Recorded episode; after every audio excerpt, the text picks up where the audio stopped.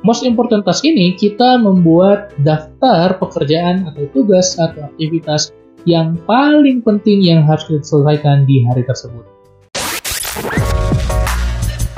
Halo, selamat datang di podcast Cerita Pembelajar. Kamu akan mendengarkan cerita mengenai pengalaman, gagasan, dan pembelajaran.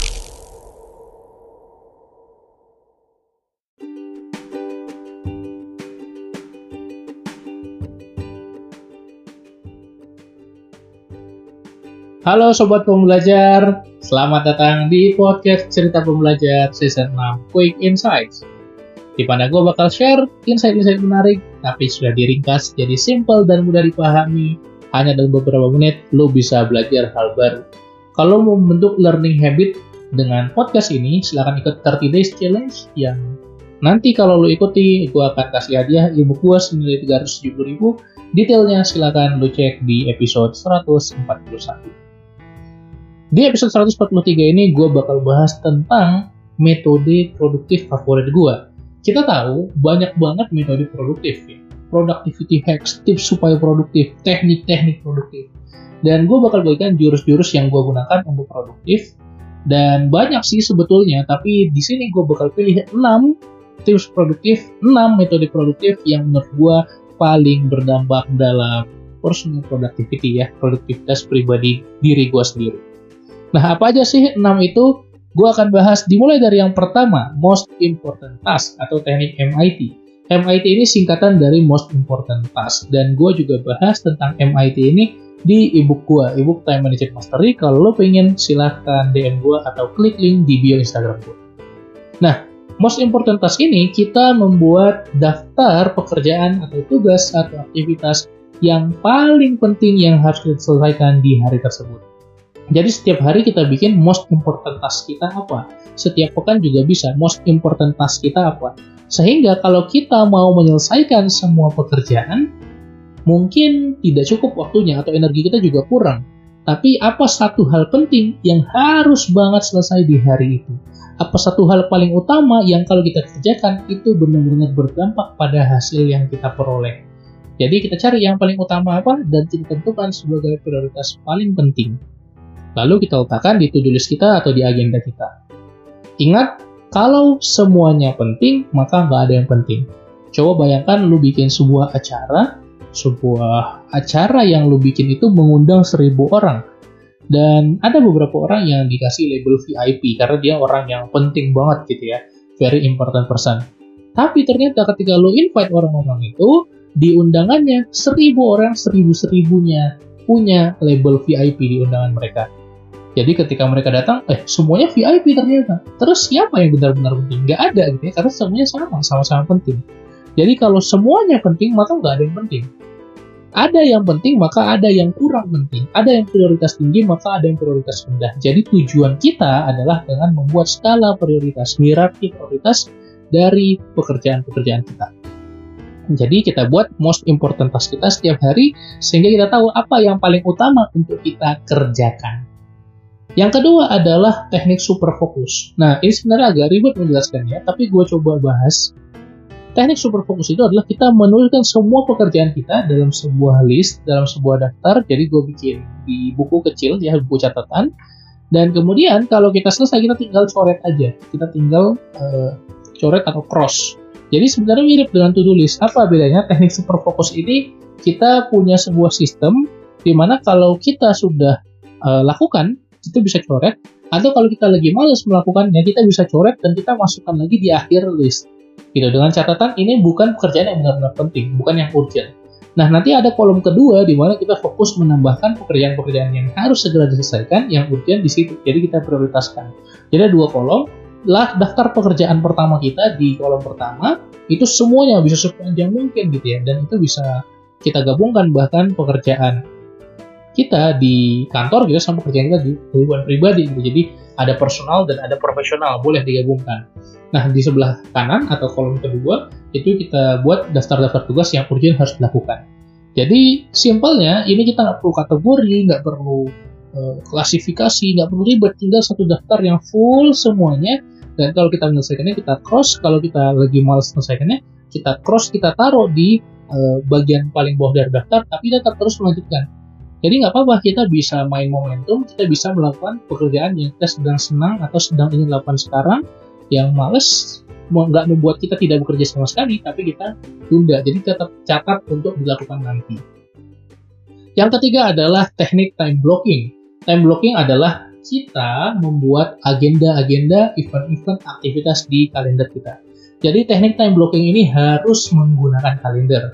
Tentu kita boleh menggunakan kalender konvensional atau mungkin buku agenda yang punya kalender, lu boleh pakai itu. Tapi gue selalu menyarankan coba pakai aplikasi kalender yang sudah banyak sekarang.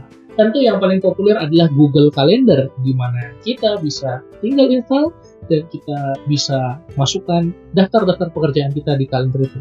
Sekarang udah mudah sekali digunakan, tinggal drag and drop, simple, mudah dipahami. Jadi kita ngeblok sebuah rentang waktu, misal hari Jumat besok dari jam 10 sampai jam 12 siang. Oke, kita blok waktunya nih.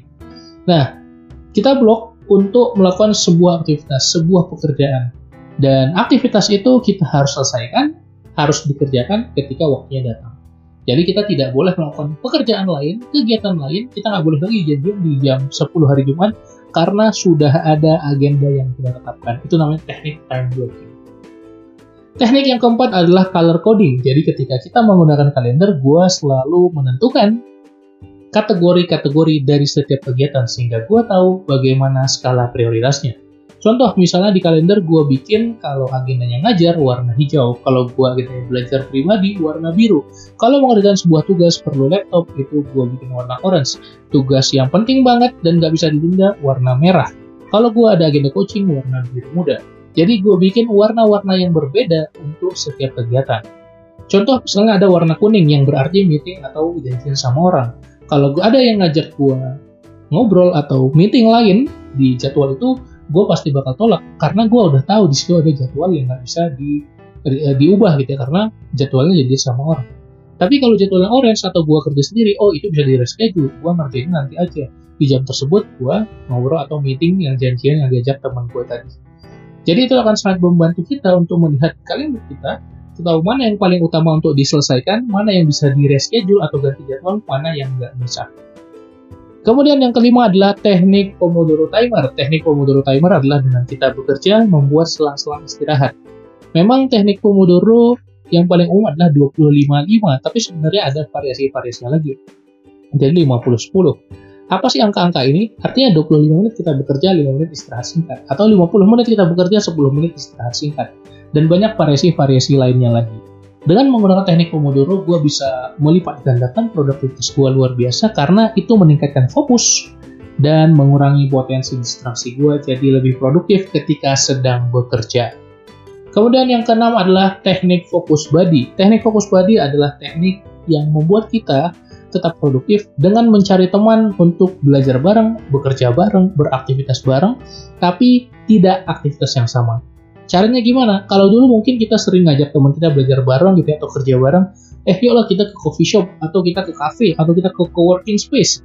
Ya nggak apa-apa, kita nggak usah ngerjain hal yang sama, tapi kita bareng di satu meja, gua ngerjain kerjaan gua, lu ngerjain kerjaan lu, ya supaya ada teman produktif aja. Kenapa? Mungkin kalau di rumah, atau di kamar, atau di kosan, mungkin males gitu. Jadi itu adalah sebuah cara yang bisa kita gunakan. Oke, kalau sekarang zaman virtual seperti ini, tentu kita bisa bikin Zoom bareng atau bikin Google Meet bareng dengan teman kita. Jadi kita set up Zoom meetingnya, roomnya, terus kita masuk, kita bilang, oke okay, gue mau ngerjakan ini, dia bilang dia mau ngerjakan ini, terus akhirnya kita kerja bareng, dan nggak apa-apa kalau misalnya kita tidak usah bekerja hal yang sama gitu. Setelah satu jam kita ngerjakan kerjaan masing-masing, kita bakal report, oke okay, gue udah berhasil bikin ini, ini, ini, oke okay, gue udah berhasil mengerjakan tugas-tugas gue. Itu akan membuat kita kredibel, akan membuat diri kita akuntabel, karena ada yang jaga kita gitu. Jadi kita lihat kamera gitu ya wah di situ ada teman kita yang juga sedang mengerjakan. Kalau kita cabut atau malah main HP ya udah kita kan dilihat sebagai orang yang tidak akuntabel oleh teman kita. Jadi itu adalah sebuah productivity hacks yang hampir setiap hari gue gunakan sampai sekarang. Simple coba lo cari teman lo yang mau bareng lo mengerjakan teknik ini ya melakukan teknik fokus body ini teman fokus ini. Ya jadi coba cari teman yang lo percaya dan mulai aja dan lo akan merasakan manfaatnya Kalau lo pusing jelasinnya gimana, ya share aja episode ini ke mereka atau ke orang tersebut dan biarkan mereka memahami oh gini toh teknik fokus pada itu. Kalau masih bingung cara detail gimana, silahkan cek postingan gue di Instagram atau DM gue aja nanti gue kasih tahu posting yang mana. Oke, itu tadi 6 metode produktif favorit gue. Yang pertama adalah MIT atau Most Important Task. Yang kedua adalah teknik super fokus. Yang ketiga adalah time blocking dengan kalender. Yang keempat adalah color coding atau menggunakan warna-warna tertentu untuk setiap kategori aktivitas. Yang kelima, teknik timer Pomodoro. Dan yang keenam adalah fokus body. Itu aja episode kali ini. Semoga bermanfaat. Kalau lo suka episode kali ini, silahkan share ke teman lo. Bagikan supaya lebih banyak lagi yang merasakan manfaat dari podcast cerita pembelajar ini. Karena tentu orang bakal senang kalau diberikan hal yang bermanfaat dan gak akan marah gitu. Jadi bagikan aja, silahkan share juga ke IG story, kasih tahu apa yang paling lo suka juga dari teknik-teknik tadi, mana yang mau segera lo terapkan, dan jangan lupa tag gue at pembelajar produktif. Kalau lo mau tahu beberapa teknik gue bahas lengkap di ebook gue, ebook Time Management Mastery, silahkan DM gue untuk tahu lebih lengkapnya. Itu aja buat podcast kali ini. Kita jumpa lagi di episode besok, episode 144, dan selamat produktif. Salam pembelajar.